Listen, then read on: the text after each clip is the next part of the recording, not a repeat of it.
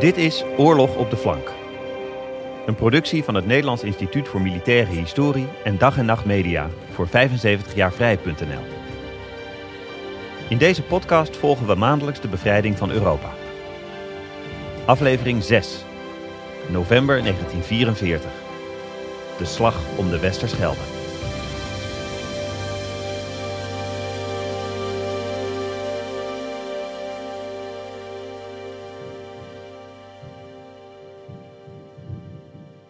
De vergeten slag. De onbekende slag. En bovenal de slag in de schaduw van operatie Market Garden. Zo kijkt tot de dag van vandaag menig zeeuw aan tegen de krachtmeting die eind 1944 de toegang tot de havens van Antwerpen moest openbreken. De slag om de Westerschelde. Misschien kent u het gezegde: succes heeft vele vaders, mislukking is een wees. Eind september 1944 was duidelijk dat operatie Market Garden was mislukt. Een wees. Maar wel eentje die over aandacht nooit heeft hoeven klagen. Duizenden boeken, artikelen. In 1977 een fameuze speelfilm, A Bridge Too Far. Een film waarin zowat elke ster opdook die Hollywood kon ophoesten. Nee, zoveel vaderlijke belangstelling kreeg de slag om de Westerschelde nooit. Terwijl het toch een slag was waarin, spoiler alert, de Duitsers het onderspit dolven. Een geallieerde overwinning die zonder twijfel meehielp de oorlog te bekorten. Maar een succes dat in het niet viel bij de indruk die Market Garden had gemaakt. Hoe zag het militaire schaakbord in Zuid-Nederland er nu, eind oktober 1944, eigenlijk uit? Na de gevechten bij onder andere Overloon en Den Bosch was het de geallieerden gelukt om Noord-Brabant en Limburg tot de grote rivieren schoon te vegen. Een logische keuze. Zo ontstond een overzichtelijke, goed controleerbare frontlinie. Daarnaast was er nog altijd de kwestie van de bevoorrading. Na Market Garden maakte de geallieerde opperbevelhebber Dwight D. Eisenhower het veldmaarschalk Bernard Montgomery nog eens goed duidelijk. Ik herhaal nogmaals dat wij op dit moment in een situatie verkeren die wij reeds maanden geleden hadden kunnen voorzien. Namelijk, onze bevoorrading is te mager om de strijd te voeden. De sleutel lag bij Antwerpen. De Vlaamse stad was 4 september al in Britse handen gevallen, inclusief de gigantische havens. Maar daar kon geen schip doorheen zolang de Westerschelde nog in Duitse handen was. Montgomery kreeg de opdracht om het toegankelijk maken van de Westerschelde de hoogste prioriteit te geven. Stond Monty te springen van enthousiasme om deze klus te klaren? Nou, nee, niet bepaald. Berlijn was nog steeds zijn hoofdprijs. On to Berlin.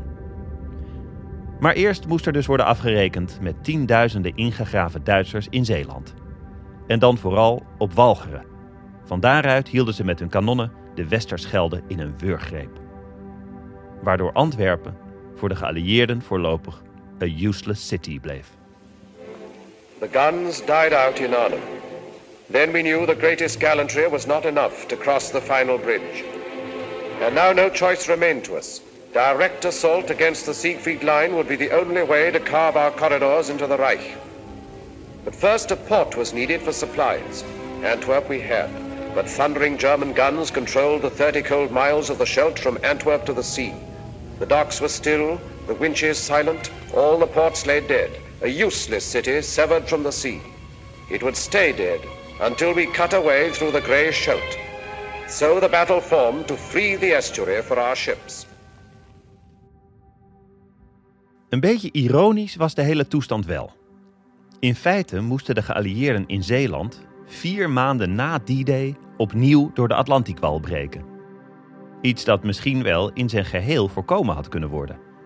Want wat als de Britten begin september, na de bevrijding van Antwerpen, nog net even iets verder waren doorgestoten, zeg tot Bergen op Zoom? Het Duitse leger verkeerde op dat moment in totale chaos.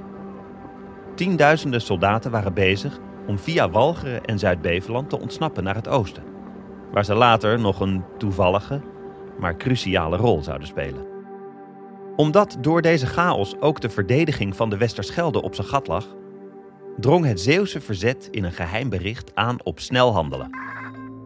De gewestelijke commandant van Zeeland van de Ordedienst geeft dringend in overweging om ten spoedigste een sterke, snelle, geallieerde kolonne vanuit Antwerpen of Breda via Bergen op Zoom langs den prima rijksweg door de dun bezette schiereilanden Zuid-Beveland en Walcheren naar Vlissingen te zenden. Restant der Duitse troepen in Zeeland gedemoraliseerd en gering. Maar er kwam niemand. Was het gebrek aan brandstof? Overschatting van de vijand? Laksheid? We zullen het wel nooit precies weten. Maar verder dan Antwerpen kwamen de Britse tanks begin september niet. En zo kregen heel wat Duitse soldaten de kans om via Breskens, Walcheren en Zuid-Beveland te ontkomen. Notaris Jacob Meijs uit Oostburg in Zeeuws-Vlaanderen noteerde op 7 september 1944 in zijn dagboek: Tegen half zeven kwam er een hauptman die bek af was. Had in vier dagen niet geslapen en nam maar pillen in ter bestrijding van de slaap. Daarna nog drie officieren. Sliepen allen een uur of twee en toen er weer uit. Wie het Duitse bioscoopjournaal zag, kreeg trouwens een heel andere indruk. Daar hadden de Duitse generaals alles nog prima onder controle. An den westlichen Reichsgrenzen haben unsere Gegner erfahren, dass unsere militärische Führung trotz schwerer Rückschläge in Frankreich das Heft in der Hand hält. In disziplinierten Bewegungen ist ein großer Teil unserer Truppen zurückgenommen worden und steht jetzt dem Gegner in einem Widerstand von bisher unbekannter Härte und Erbitterung gegenüber. An der Rückführung hat auch die Kriegsmarine starken Anteil, die von belgischen und nordfranzösischen Häfen aus starke Geleitzüge zurückbringen konnte.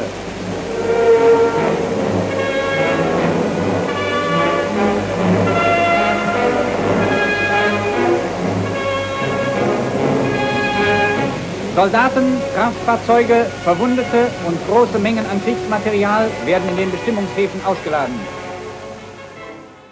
De werkelijkheid was iets minder glorieus. Neem marineofficier Imo Hopman, commandant van de kustartillerie in West-Zeeuws-Vlaanderen. Bij het zien van de vluchtende Duitse troepen stond het huilen hem nader dan het lachen. De taferelen die zich afspeelden bij de veerpont in Breskens waren het Duitse leger onwaardig. Ik moest op mijn tanden bijten om niet in huilen uit te barsten of een flink pak rammel uit te delen. Maar, hoe groot de chaos ook was, de Duitsers kwamen relatief ongestoord weg. Ongelukkigerwijs zouden juist deze via Zeeland ontsnapte Duitse troepen twee weken later mede het verschil maken tijdens operatie Market Garden. Dat de Westerschelde van cruciaal belang was, dat snapten de Duitsers zelf ook wel. De Duitse commandant in het gebied, generaal Gustav Adolf von Zangen, prentte het de overgebleven soldaten stevig in. De verdediging van de toegang tot Antwerpen is beslissend voor het verdere verloop van de oorlog. Krijgen de Engelsen eindelijk met Antwerpen een grote en volledig beschutte haven in handen, dan kunnen zij voor het invallen van de winter dodelijke klappen uitdelen. De ogen van het Duitse volk zijn op ons gericht. En zo begon het eerste Canadese leger begin oktober aan een lastige klus. Alweer een lastige klus voor de Canadezen. Het leek wel alsof Montgomery die altijd aan hen toewees, terwijl hij de roemrijke opdrachten voor de Britse divisies bewaarde. Cinderella Army, dat was de bijnaam die de Canadezen daarom voor zichzelf bedachten.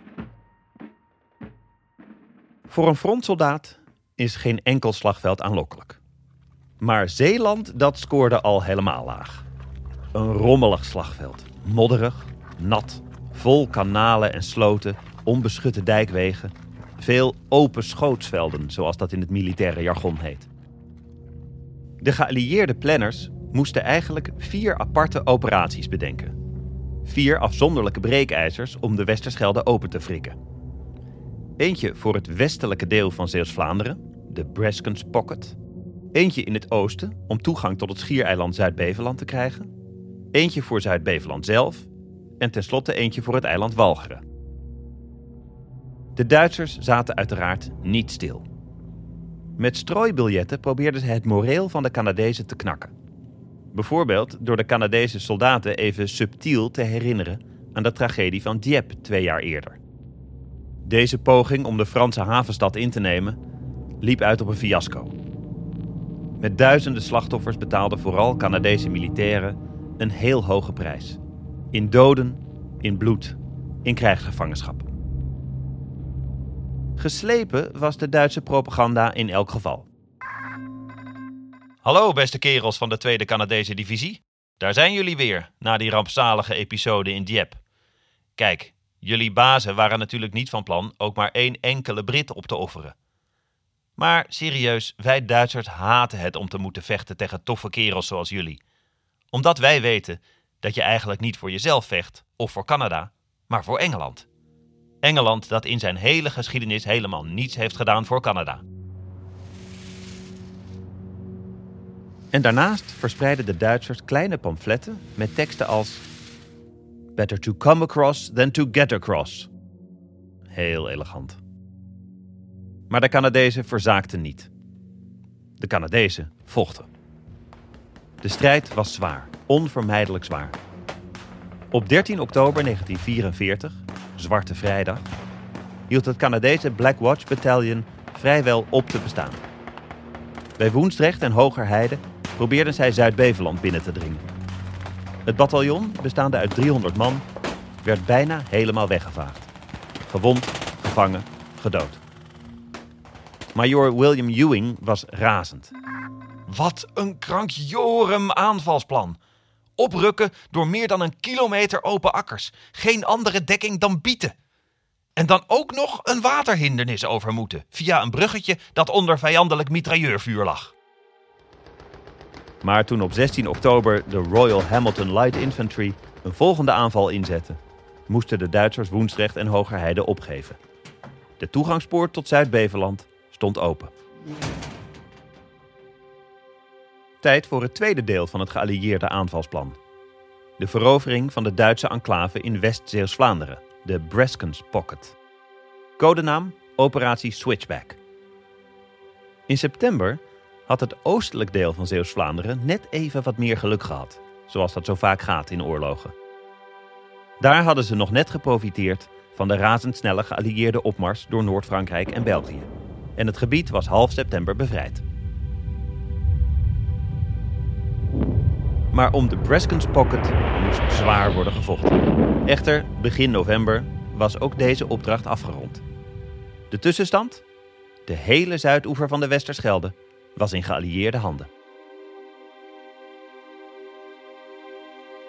Tegelijkertijd was ook de derde acte ingezet: Operatie Vitality, de verovering van Zuid-Beveland zelf. De Duitsers werden stevig in de tang genomen, vanuit het oosten over land en vanaf de zuidoevers met amfibische landingen. En met succes. Al snel hadden geallieerde troepen ook Zuid-Beveland veiliggesteld. So far, so good dus. Tijd voor de slotscène. De dramatische finale. De verovering van Walcheren. Die Zeeuwse puist die in het westen over de toegang van de Westerschelde waakte. Een stukje Atlantiekwal, volgepropt met zwaar geschut en machtige bunkers. Eén ding was duidelijk. De Duitsers op Walcheren konden geen kant meer op. Maar het Duitse opperbevel bezwoer dat de Duitse soldaat tot het bittere einde zou doorvechten. Of alle Duitse soldaten daar hetzelfde over dachten? Dat was nog maar de vraag. While Canadian infantry attack west across the Valkyrin Causeway from Beveland, two seaborne attacks are launched against the Nazis' last remaining Scheldt strongpoints. From Ostend, British commandos, supported by the full might of the Navy, thrust toward the western approaches of Valkyrin Island. Bomber Command prepares the way with a carpet of high explosives. Meanwhile, on the south bank of the Scheldt, at the port of Breskens, troops under the command of the 1st Canadian Army massed to support the attack already underway across the estuary. As the attack mounts in fury, casualties are brought back across the Scheldt.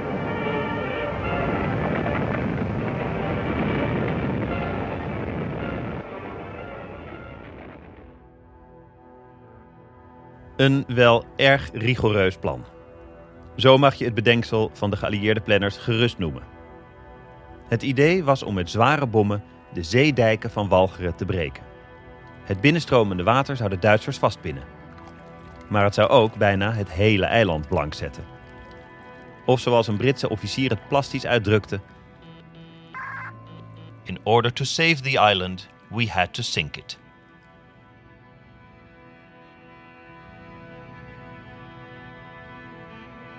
Bij zo'n ingrijpend plan hangt natuurlijk veel af van het verrassingseffect. Dus de bewoners van Walcheren konden pas op het laatste moment worden gewaarschuwd. Gaat weg zonder uitstel. Luchtbombardementen en overstromingen bedreigen uw leven. Verlaat de eilanden. Of indien dat niet mogelijk is, verhuist dan onmiddellijk naar een veilige plaats. Zo klonken de geallieerde strooibiljetten. One last enemy stronghold stood between Antwerp and the sea. Walcheren lay behind a great dike. If that dike was breached, it would flood.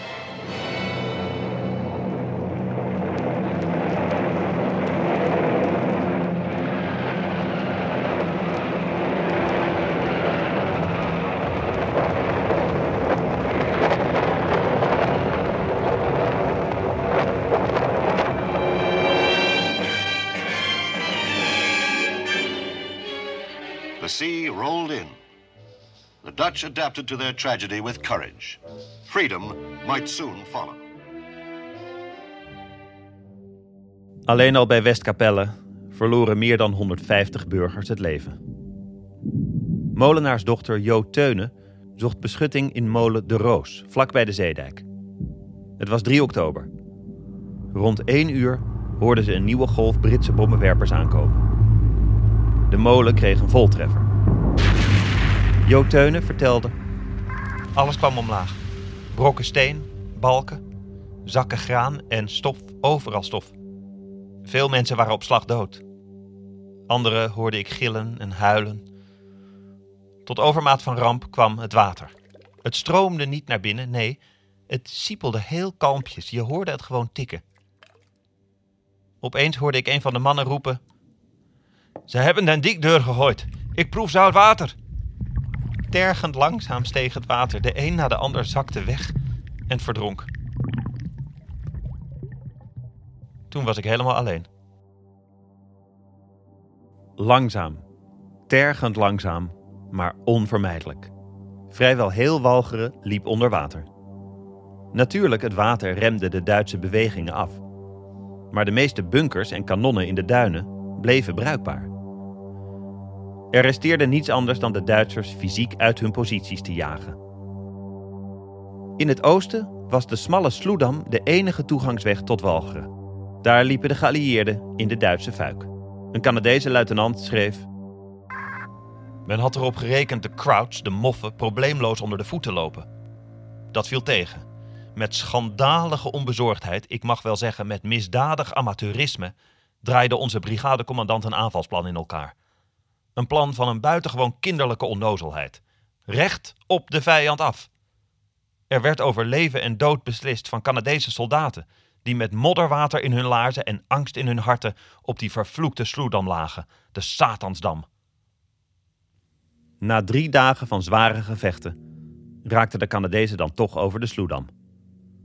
Een Canadese oorlogsverslaggever was na de gevechten toch ook een tikkeltje verbaasd. Een betere verdedigingspositie dan die Sloedam, de Causeway, hadden de Duitsers zich nauwelijks kunnen wensen. Bunkers ingegraven in de dijken, droge loopgraven met bakstenen muren, een luxe in Zeeland. En de vijand was van kilometers ver zichtbaar in het vlakke terrein. Open schootsvelden, weet u nog wel? Looking over the country, it's hard to understand how they could have been disposed of as quickly as they were. Their brick and concrete strongpoints were built right into the dikes. Their slit trenches were luxurious as slit trenches go, brick lined and dry.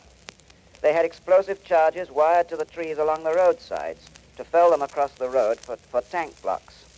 They generally had the advantage of observed artillery fire. In fact, the whole configuration of the country seemed to be in their favor.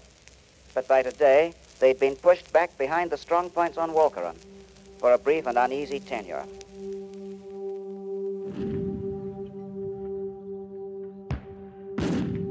Meer naar het westen, vooral bij Vlissingen en Westkapelle, openden de geallieerden intussen vanaf het water de aanval op de Walgerse kust. Hier deed het vlooteskader van commandant Kenneth Seller van zich spreken. Hij ging een rechtstreeks artillerieduel aan met de Duitsers. Een afleidingsmanoeuvre. Het gaf de landingsvaartuigen verderop een betere kans om hun troepen af te zetten. Maar het eskader van Seller moest klap na klap incasseren. Het werd een inferno van vuur en rook. Een Britse zeeman van het eskader vertelde achteraf hoe het voelde om voor sitting targets te spelen. Kanonnenvoer op zee. It was hard to tell what was going on, but the reports from the shore were good, although the men at sea were having a very rough time. They seemed to present sitting targets, most of those craft passing to and fro across the front of the beaches, and here and there we watched them being hit, pouring out smoke from their sterns, and in one or two cases going down on the shoals, with only their upper work showing, while the little motorboats dashed through and picked up the crews. Bij Walcheren maakten ook Nederlandse commando's in Britse dienst zich verdienstelijk. De Nederlandse commandokapitein Jan Linsel herinnerde zich zijn landing. In een Buffalo, een landingsvoertuig op rupsbanden. Motoren sloegen aan. Het was een heidenskabaal. Twee brandende buffalo's werden van ons landingsschip geduwd. Ze verdwenen met veel gesis en gesputter in zee. Eindelijk koos ook onze buffalo het water. En die laatste honderden meters tot de kust zullen weinigen vergeten. Allerlei kalibers Duitse artillerie deden ons de bodem van de Buffalo zoeken, om af en toe eens een schichtige blik te werpen over de rand. Het was een onbeschrijfelijk gezicht. Iets verderop, bij Domburg, raakten Noorse commando-collega's van Jan Linsel slaags met Duitse verdedigers.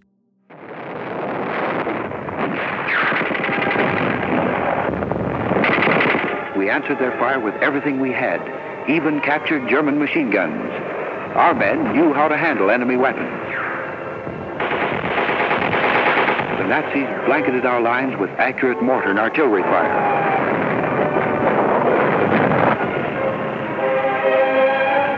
Face of our advance, the Germans had withdrawn from their fortified position. In 1944 lag het computerspel Pac-Man nog ver in de toekomst. Maar Walcheren anno 1944 had er wel iets van weg. Stap voor stap vrat de geallieerde aanval de Duitse posities langs de kust op. Bunker na bunker, loopgraaf na loopgraaf, commandopost na commandopost. Een reportage van een Canadese oorlogsverslaggever was veelzeggend. Hij was getuige hoe een Duitse bunker bij Vlissingen systematisch in puin werd geschoten. Met artillerie en met Typhoon jachtbommenwerpers. Hij wist niet wanneer de Duitsers in de bunker zich precies overgaven. Hij wist niet eens of ze zich al hadden overgegeven. Of dat ze misschien ten onder waren gegaan in een lawine van verkruimelend beton. Maar dat de Duitse bemanning het onderspit aan het delven was, ja, dat stond wel vast. Tegen zoveel vuurkracht was geen kruid gewassen. It was explained to us that this was a very tough strong point indeed. The Germans were dug deep and covered by massive concrete. But still, it became a growing wonder how the men inside it could hold out with doomsday thundering down at them at intervals of seconds. And of course, they couldn't. I don't know at what time of what day the men in that strong point quit, or whether they didn't quit, but stayed until the concrete came down and buried them. But one or the other was inevitable. You saw that as the very first typhoon went down. This is A.E. Powley of the CBC reporting from Belgium. Het was onvermijdelijk. Op 3 november kwam uit Middelburg een bericht van het verzet. De Duitse commandant Dazer wil capituleren. Kom met tanks en onderhandelaars. Het bericht ging verder. Bij het verschijnen van enige tanks zal worden gecapituleerd. Dan is aan de Duitse eer voldaan. En staak alsjeblieft de beschietingen. De enige twee ziekenhuizen kregen al enkele treffers. En zo ging drie dagen later een kleine strijdmacht vanuit Vlissingen op weg naar Middelburg. De Nederlander Joost Kamermans fungeerde als gids in de voorste Buffalo. Hij wist waar de mijnenvelden lagen. De Buffalo's moesten dan wel precies achter elkaar rijden en varen. Dat viel nog niet mee. De Buffalo's waren net holle vaten, heen en weer deinend op het water. Maar de kolonne bereikte veilig het marktplein van Middelburg. De Britse majoor Hugh Johnston vertelt hoe het verhaal verder ging. De Duitse soldaten op het marktplein leken niet echt vijandig. Ze waren blijkbaar even verward als wij waren. Ik klampte een Nederlandse politieman aan en gaf hem opdracht het plein vrij te maken van burgers. Zijn methodiek was echter iets wat ongelukkig. Hij trok zijn pistool en vuurde een paar keer snel achter elkaar in de lucht. Met als gevolg een lichte paniek en nog meer chaos. En inderdaad, de Duitsers waren compleet overrompeld. Ze dachten dat het wassende water Middelburg volledig had afgesloten. En ze dachten dat de buffalo's, die druipend uit het water opdoken, tanks waren in plaats van amfibievoertuigen. Er was nauwelijks verzet. Maar de Duitse commandant, Dazer, bleek wel een man van principes en decorum. Hij wenste met niemand beneden de rang van kolonel te spreken. Toen de Britse tolk hem vroeg: Und was sind Sie? trok Dazer met een elegant theatraal gebaar zijn jaskraag open, zodat een rode band zichtbaar was. Ich bin ein Generaal. De tijd was rijp voor wat improvisatie. Ter plekke werd Major Johnston razendsnel tot kolonel gepromoveerd. En zo kon zich de overgave van Middelburg alsnog voltrekken, geheel conform de Duitse militaire etiketten. Is het allemaal echt zo gegaan? Sommige historici plaatsen kanttekeningen bij deze gangbare versie van het capitulatieverhaal. Het officiële verslag van het bataljon van Major Johnston, of eh, pardon, kolonel Johnston inmiddels, stelt dat generaal Dazer in eerste instantie zijn revolver overhandigde, direct gevolgd door zijn vijf stafofficieren, maar dat hij een officiële overgave weigerde. Klopt deze versie? Dan heeft generaal Dazers officiële overgave niet op 6 november, maar op 7 november plaatsgevonden. Want de volgende morgen, 7 november, arriveerde de commandant van de 52e Lowland Divisie, generaal-majoor Hakewill Smith, met in zijn gevolg een slagorde aan oorlogscorrespondenten en cameramensen. Een mooi mediamoment moet je natuurlijk nooit laten schieten.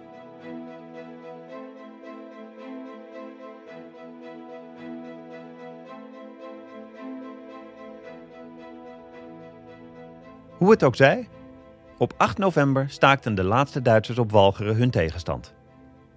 Beide oevers van de Westerschelde waren schoongeveegd van de Weermacht. Zoals gezegd, het was een taai gevecht geweest. Met enige regelmaat wordt de strijd in Zeeland zelfs wel vergeleken met de Eerste Wereldoorlog. Natuurlijk is de schaal onvergelijkbaar, maar voor de militairen zelf gaat de parallel deels wel op. Zoals een Canadese soldaat het Zeeuwse vechtwerk samenvatte. Mijn belangrijkste herinnering? Modder. Overal modder. This was the fetid polder country, earth reclaimed from the sea.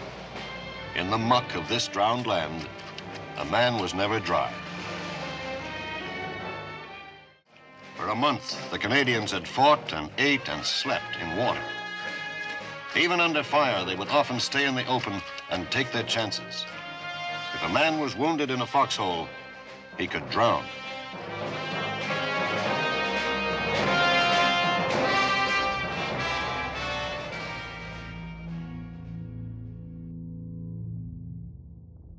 De Duitse verdedigers waren vaak goed in staat om gebruik te maken van dit waterdoordrenkte landschap.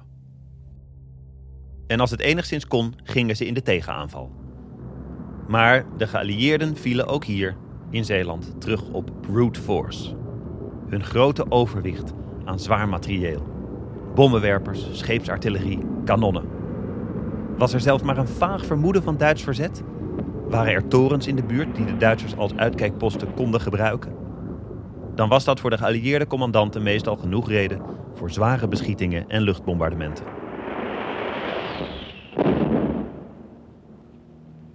Het murfbeuken van de vijand vanaf een afstand. Enerzijds een begrijpelijke manier van vechten, die eigen levens spaarde, maar anderzijds ook een voorspelbare manier van vechten. En eentje die burgers niet spaarde.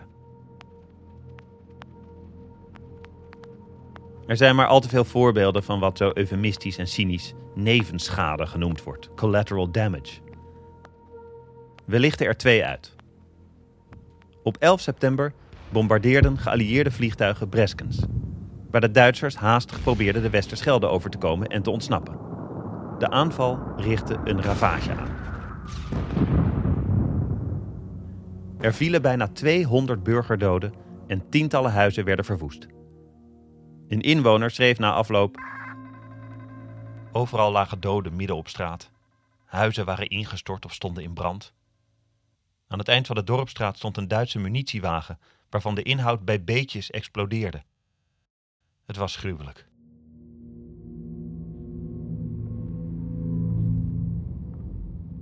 Ruim een week na het bombardement op Breskens troffen granaten het gehucht Othene, net buiten Terneuzen.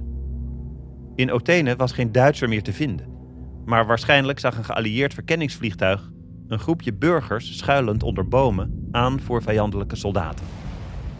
De Poolse artillerie opende onmiddellijk het vuur. In een kwartiertijd vielen 13 doden. Een inwoner vertelde: Er werd gescholden op de geallieerden. Ze werden op dat moment meer vervloekt dan de Duitsers. Zoals zo vaak dempte het leed de euforie van de bevrijding. In Othene is de bevrijding nooit gevierd.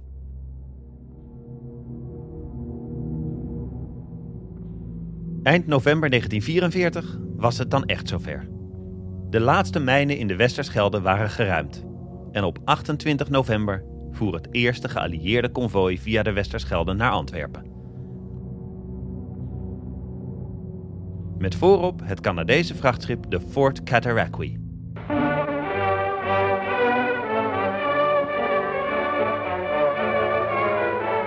Thanks to British and Canadian troops who cleared the approaches to Antwerp, the first Allied supply ship sails into the liberated harbor, a Canadian-built Victory ship.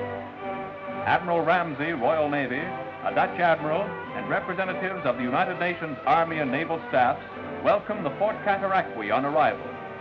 The skipper receives congratulations as his ship ties up preparatory to the unloading of vital supplies for the armies on the Western Front. Salt, tar, and foodstuffs comprise the first load. Soon munitions, petrol, and vehicles will pour in to reinforce the advancing armies.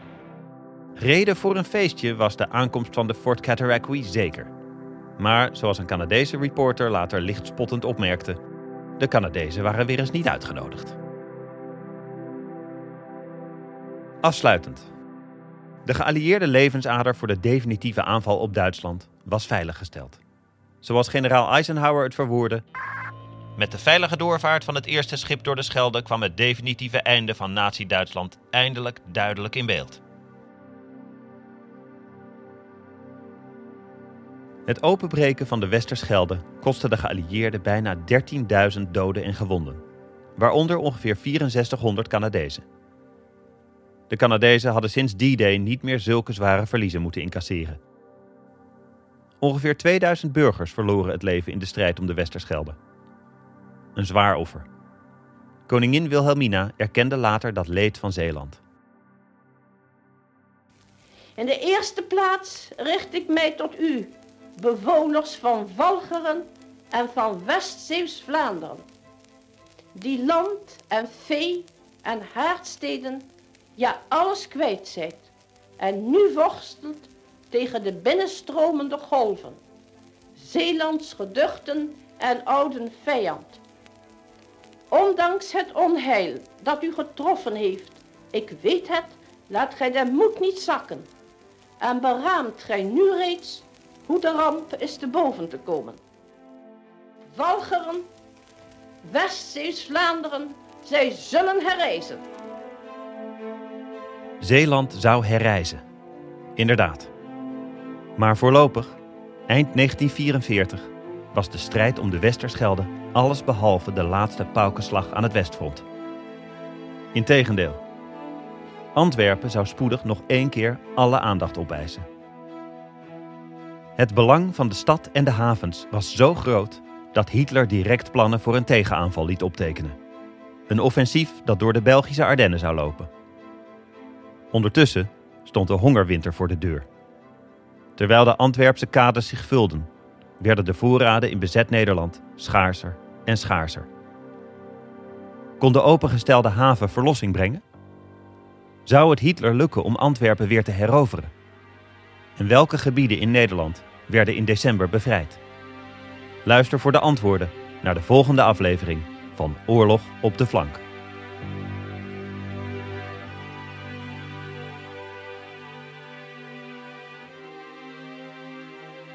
Oorlog op de flank is een podcast van het Nederlands Instituut voor Militaire Historie, geproduceerd door Dag en Nacht Media. De podcast is onderdeel van de multimediale Ode aan de Vrijheid. Kijk daarvoor ook op www.75jaarvrij.nl en is mogelijk gemaakt door het DOSCO Ontwikkelfonds. Dank ook aan het Nederlands Instituut voor Beeld en Geluid. Research Marco Middelwijk. Projectleider NIMH Lianne van den Doel. Tekstschrijver Christ Klep. Productie en editing Anne Janssens van Dag en Nacht Media. Audiovormgeving Studio Cloak. Mijn naam is David Lucier. Tot volgende maand.